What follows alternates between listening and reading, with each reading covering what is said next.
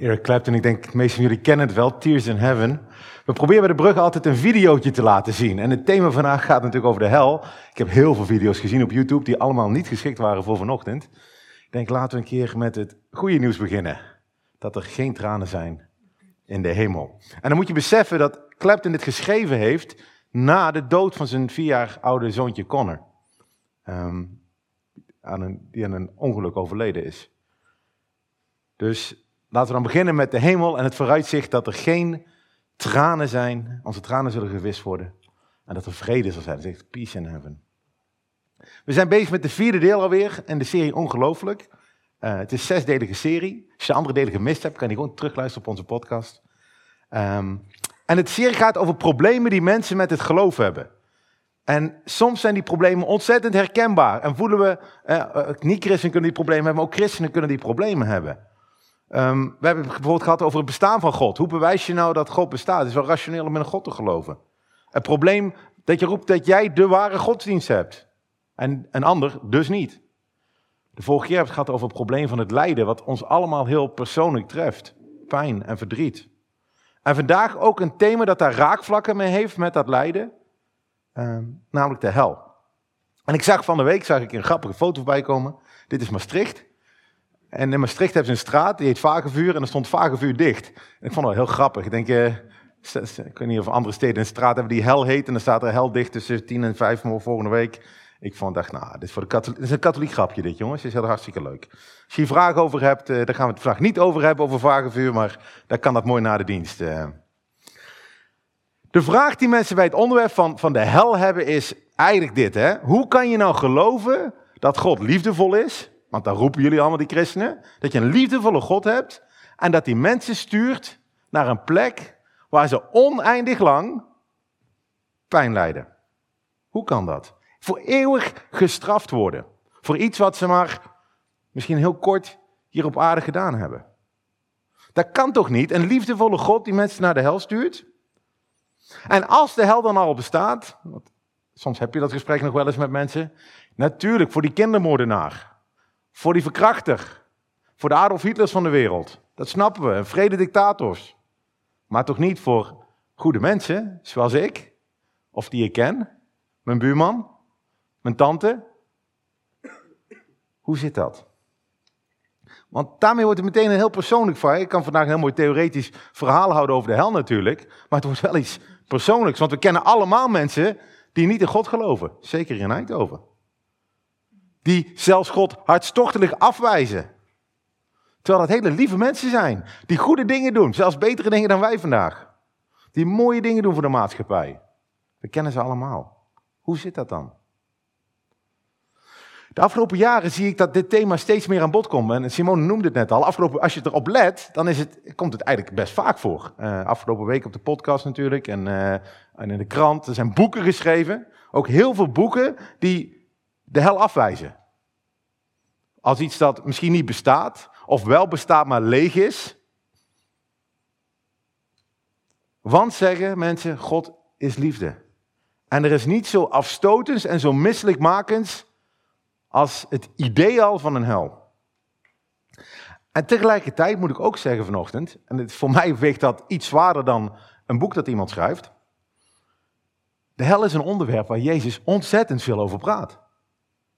Niemand in de Bijbel spreekt zoveel over de hel dan Jezus. Jezus vertelt parabelen, verhalen. We gaan er vandaag eentje lezen. Eén op de zes verhalen van Jezus gaat over de hel. Dan denk ik, dat doet hij toch niet voor niks? Hij had maar een paar jaar op aarde, zeg maar, bepaalde, hè, niet alles is opgeschreven, is maar een beetje opgeschreven. En van wat er opgeschreven is, gaat één op de zes verhalen gaat over de hel. Dat, dat moet ons toch ook iets zeggen vanochtend. Dus ik denk dat het reden genoeg is voor ons om vanochtend eens samen te gaan kijken, serieus naar het onderwerp. En ik heb een van de verhalen van Jezus gekozen, want ik had heel veel keuze gelukkig. En op basis daarvan heb ik natuurlijk drie, altijd drie, dan weten jullie dat, drie punten voor, de, voor vandaag. En mijn drie punten zijn dat de hel spreekt over een hemelse gerechtigheid, over een eeuwige identiteit en over de liefde van God. Dus laten we eens gaan lezen. De, in je programma staat ook de tekst, kan je meelezen. Misschien vallen je andere dingen op dan dat ik vandaag highlight. Ehm, daarom staat het geprint, kan je lekker meelezen. Een verhaal uit Lucas. En Lucas was een arts die uh, zorgvuldig heeft onderzoek heeft gedaan en opgeschreven heeft wat er in het leven van Jezus gebeurde. En Lucas zegt dat Jezus het volgende zegt. Een verhaal dat hij houdt voor hele religieuze mensen, by the way. Kom ik zo op terug.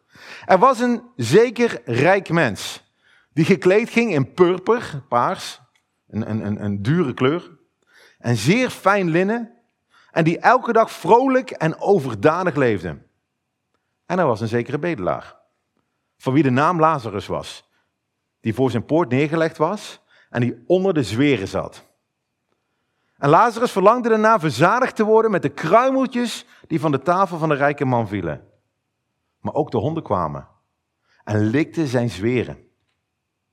Het gebeurde nu dat de bedelaar stierf en door de engelen in de schoot van Abraham gedragen werd. En ook de rijke man stierf en werd begraven. En toen hij in de hel zijn ogen opensloeg, waar hij in pijn verkeerde, zag hij Abraham van weg en Lazarus in zijn schoot. Ik stop hier even. We zien hier twee figuren, een, een rijke man en een bedelaar. En, en, kijk eens hoe ze geleefd hebben. Die, die rijke man, die, die liep rond in, in, in, in bling bling kleren, hè? die zag er goed uit. Hij leefde overdadigd. Had van die coole schoenen aan, ik weet niet meer hoe ze heten, maar ze zijn heel duur. Hij heeft alles.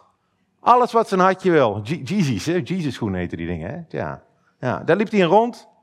Hij had alles wat zijn hartje wil. Hij had eten, had drinken. Hij had van die mooie glimmende velgen op zijn kameel. Echt geweldig. Het ging goed met hem. En aan zijn poort, en ik denk dat dat de ingang van zijn huis is, een plaatje hier waar, hij zelfs aan tafel zit, zit een bedelaar. Die niet eens naar die poort kon lopen. Hè? Ik weet niet of je opgevallen is. Hier staat, hij was er neergelegd. Hij zat onder de zweren. Niet lekker, hè? En die, en die bedelaar had honger. Ja, natuurlijk. Zoveel honger dat hij verlangde naar de kruimeltjes die van de tafel afvielen. Maar hij had concurrentie van de honden. Ik denk niet dat die honden de huisdieren waren van die man, maar misschien straathonden of zo. Maar die mochten daar zijn. En die honden mochten ook de kruimeltjes eten. En die mochten zelfs de zweren van die man likken. Ik denk niet dat dat heel goed is voor je gezondheid. Uiteraard heeft die bedelaar geen lang leven. Hij sterft, staat in de tekst. Dat is, dat is eigenlijk vrij logisch. Als je heel veel honger hebt, ga je op een gegeven moment dood. En hij krijgt geen begrafenis. Tenminste, in de tekst staat niet dat hij begraven is. Er staat alleen dat hij sterft. En dan wordt hij naar de schoot van Abraham gedragen. Nou kan je daar natuurlijk een uur over praten, denk ik. Maar ik weet eigenlijk helemaal niet wat die beeldspraak betekent. Um, het klinkt als een fijne plek. De schoot van Abraham. Nou, de rijke man die gaat op een gegeven moment ook dood. Want, I hate to break it to you, iedereen gaat dood. Of je nou heel veel bling-bling hebt of weinig bling-bling, we gaan toch dood. En hij krijgt wel een hele mooie begrafenis. Maar als hij dan in het dodenrijk is, verkeert hij in pijn. En hij kijkt omhoog en hij ziet daar de Bela. Nou denk ik niet dat daar echt, eh, dit is een verhaal van Jezus, ik denk dat Jezus een punt wil maken. Ik geloof niet dat mensen in de hemel naar de hel kunnen kijken, mensen in de hel naar de hemel kunnen kijken. Misschien, misschien wel, maar ik, ik denk dat dat niet zo is. Uh, maar voor het punt dat Jezus wil maken is dat prima zo. En mijn vraag is, als je dit plaatje kijkt en als je nou dit verhaal hoort, wat voor gevoel roept dat op bij je? Tussen die bedelaar en die, en die rijke man. Wat voor gevoel krijg je daarbij? Onrechtvaardigheid. Life is not fair, hè? Het is echt niet eerlijk. Hier is onrecht. En we hebben de vorige keer al een beetje bij stilgestaan dat er veel lijden is in de wereld. Veel onrecht in de wereld. Afgelopen week nog, die, die, die tolk in in Afghanistan, die heeft Nederland geholpen. En die wordt in één keer van zijn bed afgehaald en die wordt geëxecuteerd. En wat doe je dan? Wat doe jij als jouw onrecht aangedaan wordt? Wat doe je als dat jouw pa is die van zijn bed afgehaald wordt? Of, of wat doe je als er iets verschrikkelijks met je kind gebeurt door een ander? Ik zou het nog makkelijker maken. Wat doe je als iemand je afsnijdt in het verkeer? Hoe, hoe reageer je dan? Overal op de wereld en ik zie het ook in mijn eigen leven, want ik had er toevallig gisteren met Hanne over toen ik in de auto zat. Als, er, als zo'n idioot voor mij rijdt, dan reageer ik veel harder. Ik reageer veel feller terug dan wat mij aangedaan is. Toch? En ik zou niet weten wat ik zou doen als ik iemand in te pakken zou krijgen die iets met mijn kinderen gedaan heeft. Weet ik echt niet. Je pakt iemand harder terug. Als je iets onrecht aangedaan is, dan wil je gerechtigheid. Keihard. Hier wordt ook heel veel over gesproken. Ik had een slide met de boeken ertussen. Ik weet niet of dat handig is. Dit is een goede boek om over dit onderwerp te lezen. Maar in deze boeken van, van Clark, maar ook van, van Keller, wordt een meneer heel vaak genoemd. En die meneer heet Miroslav Wolf. En Miroslav Wolf was een Kroaat, die, eigenlijk een Joegoslaaf toen, die opgroeide in Joegoslavië tijdens de oorlog in de Balkan. En hij heeft gezien hoe huizen platgebrand werden, hoe familieleden afgeslacht werden, hoe dames verkracht werden. Hij was daarbij. En hij stelt ook deze vraag. Hij stelt de vraag, wat doe je nou als mensen zoveel onrecht is aangedaan? Wat ga je dan zeggen? Oh, beste meneer Joegoslaaf, nou moet jij uh, peace on earth, nou moet jij niks terug doen? En hij zegt, dat lukt je alleen maar vanuit je luie stoel in een filosofieclub, hier in het Westen. Dat gaat jou niet lukken daar op de Balkan. Hij zegt, in een verschroeid land, gedrenkt in het bloed van onschuldigen, zal het idee van geweldloosheid stevast sterven. Je kan wel roepen dat je, dat, je, dat je lief moet zijn voor elkaar, maar als je zoveel onrecht is aangedaan, dan ga je reageren. En de enige oplossing volgens deze meneer, om de geweldscyclus te doorbreken, is het geloof in een oordeel. In het geloof dat er een dag komt waarop recht gesproken wordt, dat er gerechtigheid is. Een hemelse gerechtigheid. Het geloof dat een verkrachter of een moordenaar of een dictator er niet mee wegkomt. Ook al lijkt het hier in die paar jaar dat ze op aarde zijn, dat ze er wel weer wegkomen. Hitler pleegde zelfmoord, hè, net voor het einde. En het geloof dat hij straks zich moet verantwoorden. Daarmee kan je vrede krijgen. Daarmee kan je jouw gevoel van rechtvaardigheid loslaten. Kunnen mensen wraak loslaten. Omdat ze weten dat er uiteindelijk recht gezet wordt. Dat er uiteindelijk recht gesproken wordt. Als God iedereen zou vergeven. Iedereen. En er geen hel zou zijn. Dan heb je geen rechtvaardigheid. Doe je geen recht aan de pijn en het verdriet en de ellende die mensen meemaken. En gerechtigheid zit heel diep binnen ons. En we moeten ons realiseren dat God, ja, God is een God van liefde. Maar God is ook een God van oordeel.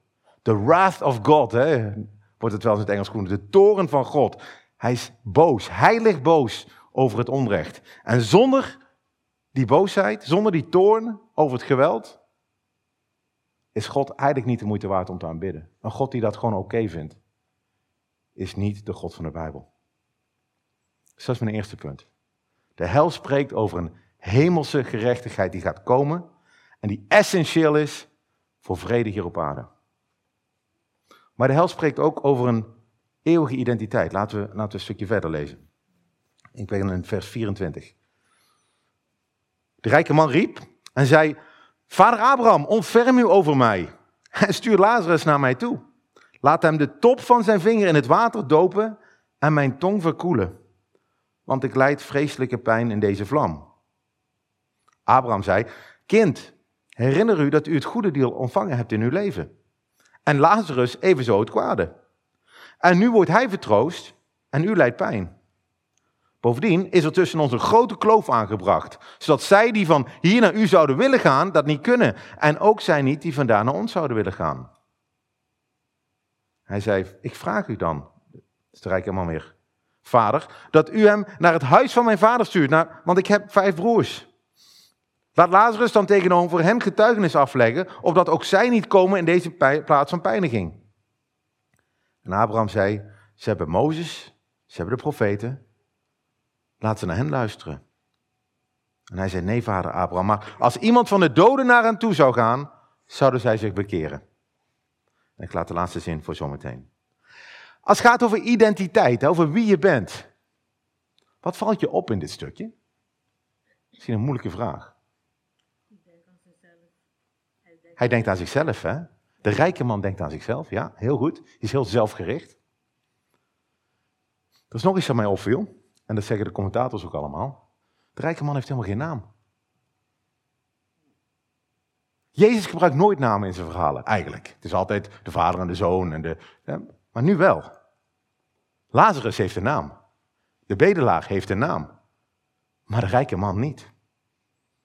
We, zingen wel Sadietje hier van Sela. Van eh, als ik eens moet sterven, als ik u ontmoet, dan droogt u mijn tranen en u noemt zelfs mijn naam. En dat is zo. In de hemel worden we gekend voor wie we zijn. Gekend door naam. Zelfs, zelfs de rijke man kent de naam van Lazarus in dit verhaal. En we begonnen net met dat liedje van Clapton. Hè? Would you know my name if I saw you in heaven? En het antwoord daarop is ja. Jazeker. Je wordt gekend in de hemel. Je hebt een naam, je hebt een identiteit. Maar hoe kan het dat die rijke man geen naam heeft? Dit was een rijke man. Hij hoort tot de, de rijkste mensen misschien in Israël. Hij was misschien een beroemdheid. Hij noemt zelfs Abraham zijn vader. Wat betekent dat hij ieder geval een, een vrome Jood was. Vrome religieuze man. En vergeet niet dat Jezus dit verhaal vertelt aan die vrome religieuze mensen. En hij zegt, u hebt het goede deel ontvangen in uw leven. Je hebt je identiteit, wie je bent, gebouwd op wat je doet. Of wat je had. Beste meneer zonder naam, je hebt je identiteit gebaseerd op je bezittingen, op je geld, op je carrière, op je beroemdheid. Maar helaas, je bent dood. Er is niks van over. Je geld kan je niet meenemen. Je carrière kan je niet meenemen. Je bezittingen ben je kwijt. Alles is weg. En wat blijft er dan over van wie je bent? En dat is ook een hele goede vraag voor ons vandaag. Wie ben je? De man op de Jeezys? De Jeezys gaan niet mee de hemel in. Waar bouw je je identiteit op? Is het op dingen die voorbij gaan? Op hoe knap je bent? Hoe slim je bent? Wie je kent? Welke auto je rijdt?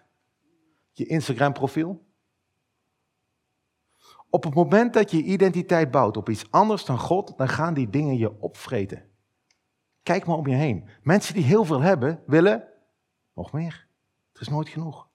Mensen die hun identiteit bouwen op een carrière. Ik ken ze. Ik ben meneer de superprojectleider. Ik ben meneer weet ik wat. Als ze ontslagen worden, of COVID krijgen en even niet meer projectleider zijn. Die raken niet verdrietig, hè? dat kan hè, dat je verdrietig bent dat je baan verliest. Maar die komen helemaal in een identiteitscrisis. Wie ben ik nou eigenlijk zonder die baan? En dat geldt voor alles waar je identiteit op bouwt. Op je macht, op, op je kinderen, op je auto, je huis, je baan, je uiterlijk, talenten, relaties. Het zijn allemaal goede dingen waar je van mag genieten, maar nooit de basis kunnen zijn van je identiteit. Want je kan het niet meenemen. En ze geven nooit voldoening die ze beloven. Kijk maar, dat geloven we nooit, hè? Die beroemdheden, de meeste beroemdheden zijn niet gelukkig. Echt niet. En we maken onszelf wijs. Oh, maar als ik beroemd ben, als ik 10 miljoen op mijn bankrekening heb staan, dan word ik wel gelukkig. Maar dat is niet zo.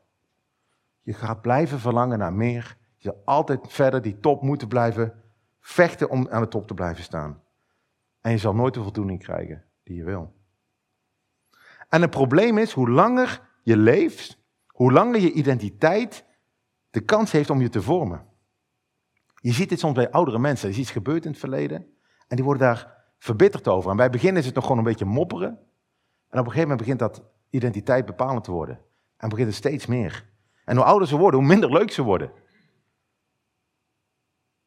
En stel je nu voor dat die bitterheid, of die hebzucht, of die jaloersheid, dat nou nog zo'n klein beetje is in jouw leven, kan groeien tot een eeuwigheid. Tot een eeuwigheid. Wat voor een persoon word je dan? Het gaat je opvreten. Als vuur. C.S. Lewis merkte op dat je in je leven vaak dingen tegenkomt over jezelf. Slechte gewoontes. Of, of gewoon gemopper. En in het begin is dat gewoon een heel klein vlammetje. Hè, hier wordt ook een beeld van het vuur gebruikt. En dat vlammetje kan je best nog wel uitdoven. Weg. Maar als je dat vlammetje gaat voeden, als je je hebzucht gaat voeden, als je jaloersheid gaat voeden, als je je zelfgerichtheid gaat voeden, dan wordt het een vuur dat je opvreet en niet meer te doven is. En dan wordt het de hel. Hij zegt letterlijk, het gaat er niet eens om dat God ons naar de hel stuurt. En ieder van ons groeit iets dat een hel zal zijn, tenzij het in de kiem wordt gesmoord.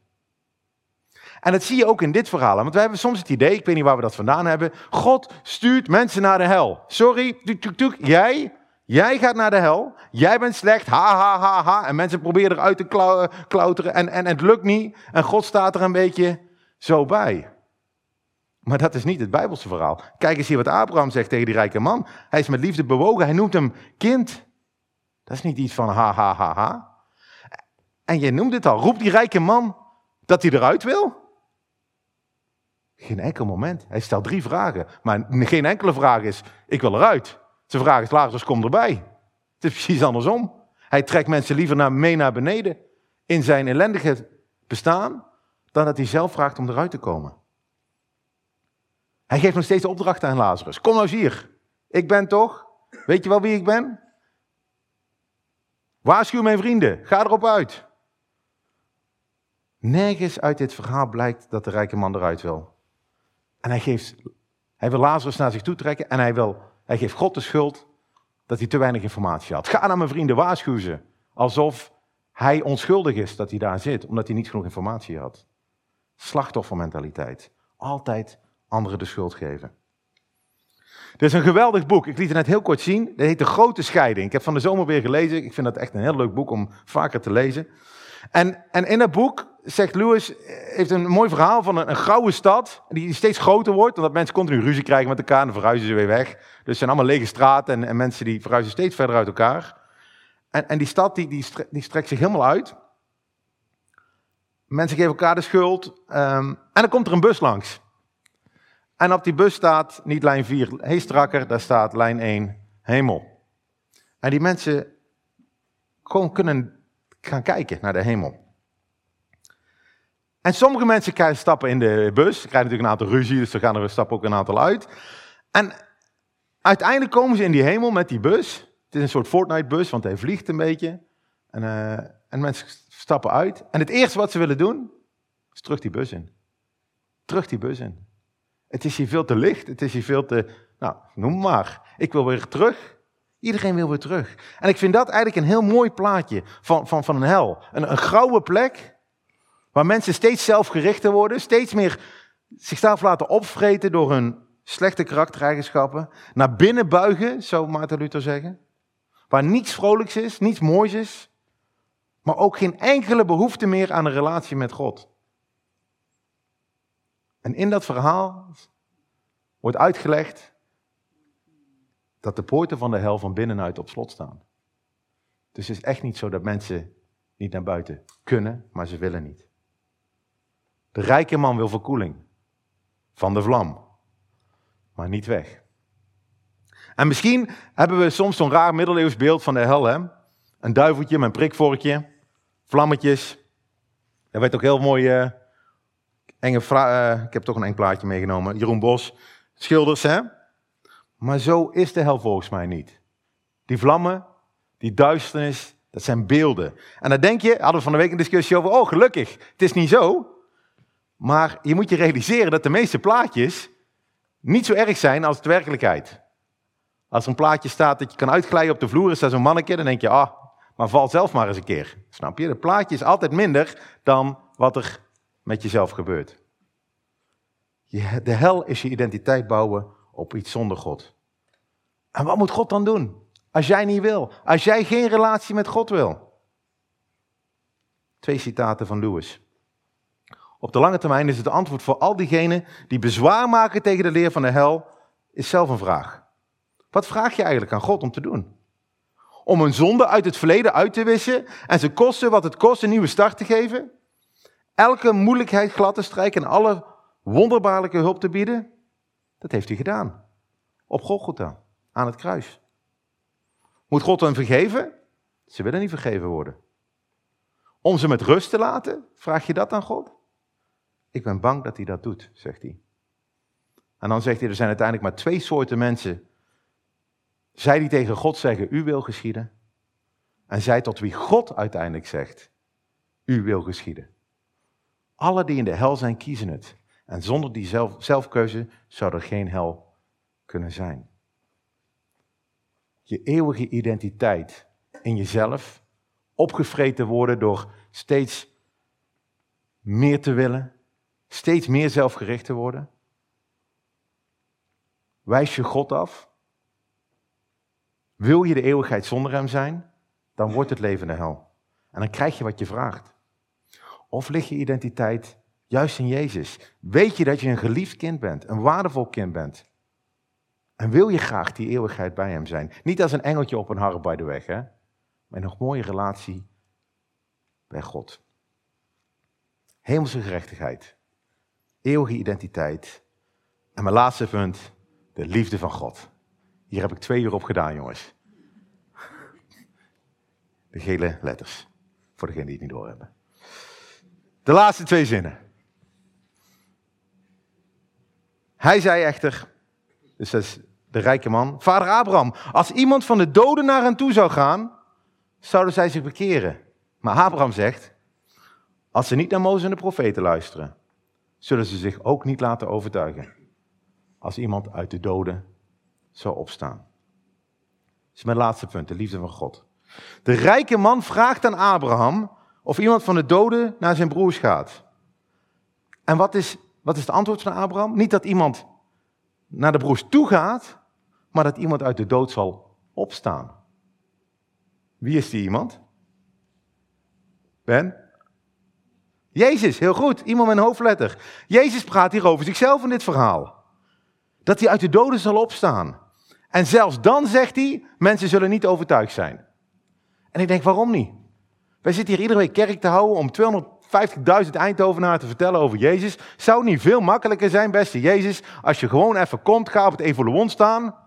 Hè, grote lichtshow. En uh, zeg tegen de mensen, volg mij, of, uh, of je mag naar dat plaatje van Jeroen Bos of zo. Weet je, dan, dan hoef ik mensen niet te overtuigen dat God bestaat. Maar zo werkt dit niet. Je kan mensen niet bang maken, zodat ze God lief gaan hebben. Je kan mensen wel bang maken. Maar het gevolg zal nooit zijn dat ze God lief gaan hebben. Angst werkt niet. Want angst is uiteindelijk zelfgerichtheid. Angst is, ik ben bang. En omdat ik niet in de hel wil komen, ga ik nu God volgen. Maar het is steeds ik. En dan vind je jezelf nog steeds belangrijker dan God. Uit angst voor God kies je uiteindelijk gewoon voor jezelf. Het enige wat je echt van binnen kan veranderen, is Gods liefde. Hier staat iemand uit de doden doen opstaan. Weten wij waarom Jezus is opgestaan? Waarom is Jezus gestorven? Ik zal een oude profeet pakken, Oude Testament, waar het heel duidelijk in staat. Jezus is als om onze overtredingen verwond, om onze ongerechtigheden verbrijzeld. De straf die ons de vrede aanbrengt, was op hem. En door zijn striemen is er voor ons genezing gekomen. Wij dwaalden af als schapen, we keerden ons ieder naar onze eigen weg. Maar de Heer heeft de ongerechtigheid van ons allemaal op hem doen neerkomen. Weet je, die gerechtigheid waar ik in, in, punt 1 over had, die, die boosheid, die toorn van God, die zich ontzettend kwaad maakt over het onrecht in de wereld, komt neer op Jezus aan dat kruis. De straf die ons vrede brengt, kwam neer op Jezus aan het kruis. Jezus wordt verlaten door God. Hij hangt daar. Hij zegt: Vader, waarom hebt u mij verlaten? Waarom? Zodat wij bij God kunnen zijn. Hij gaat letterlijk door de hel, zodat wij dat niet hoeven. En hij neemt niet alleen zijn eigen verdriet mee aan het kruis, maar ook jouw verdriet en dat van de, heel de mensheid. Hij wordt afgewezen, hij wordt verlaten, hij is angstig, zodat jij en ik dat niet meer hoeven te zijn. En daarom spreekt de hel over de liefde van God, want het heeft hem alles gekost. Als het hem niks gekost had om mij lief te hebben, was ik veel minder onder de indruk geweest. En dit klinkt tegenstrijdig, maar ik, ik, probeerde een, een, een, een, voorbeeld daarvan te bedenken. Dit is mijn laatste voorbeeld voor vandaag. Weet je, soms ga ik met vrienden wat drinken en dan koopt iemand koopt een drankje voor mij. Een cola zero, dat weten de meesten wel. 2 euro, 3 euro, soms wel 4. Daar ben ik wel, blij, ben ik wel blij om. Ik denk, oh, dat is leuk. Vriend van mij koopt een drankje. Aardig. Een paar jaar geleden waren Nicole en ik in Canada bij die, die Mark Clark hè, van haar boek. En uh, we waren met z'n vieren, hij en zijn vrouw en Nicole en ik waren lekker aan het eten in een restaurant. Hadden we goed gegeten. En we vragen de serveerster om de rekening. En die zegt, rekening is betaald. Niet door ons, niet door Mark en zijn vrouw. Iemand in het restaurant had ons zien zitten. En er zal wel iemand zijn die ons misschien gekend heeft. En die dacht, laat ik eens de rekening betalen. Ik hé, hey, dat is geen 4 euro, hè? dat is geen cola zero. Dit was een maaltijd voor vier personen. Denk je dat ik dan blijer ben of minder blij? Ja, ben ik blijer, ben ik dankbaarder.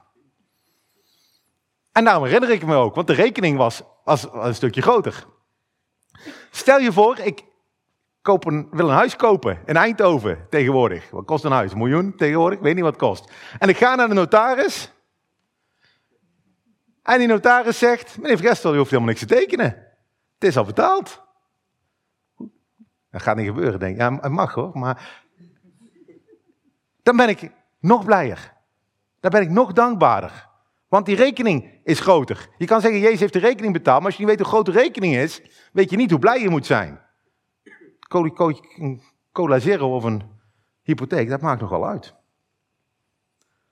Als de hel oneindig lijden is, en oneindig lang lijden is in de afwezigheid van God, en Jezus heeft die pijn, die marteling op zich genomen, zodat jij en ik oneindig lang in de aanwezigheid van God kunnen zijn, dan ben ik veel meer onder de indruk van wie Jezus is, dan als de hel niet bestaat.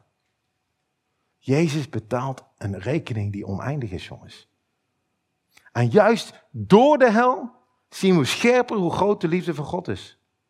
Jezus heeft het op zich genomen, in pijn. Hij is door het vuur heen gegaan. Compleet verlaten door God, helemaal alleen. En heeft oneindig meer op zich genomen dan wij kunnen bedenken. En dan komen we tot een hele bijzondere conclusie.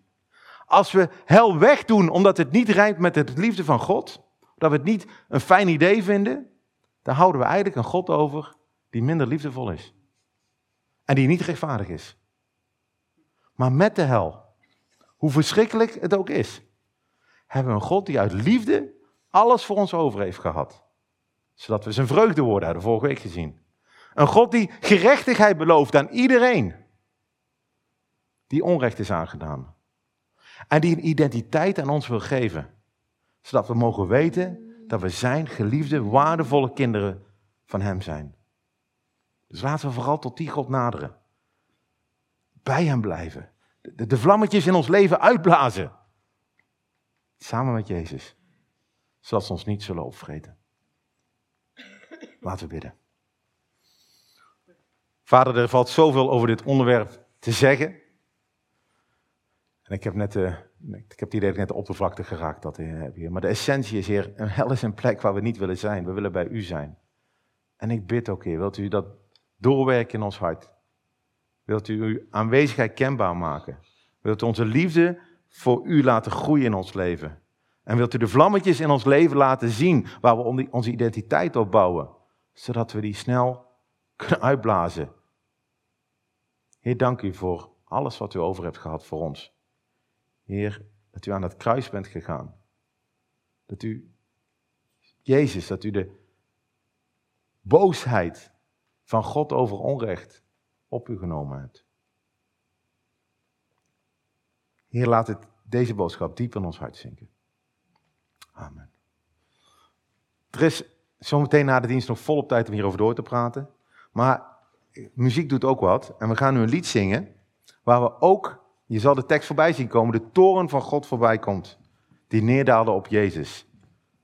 En dat alle zonde op hem gelegd is, maar dat we gekocht zijn met zijn bloed. En dat zelfs de hel ons niet kan stelen uit zijn hand. Laten we nog een lied zingen.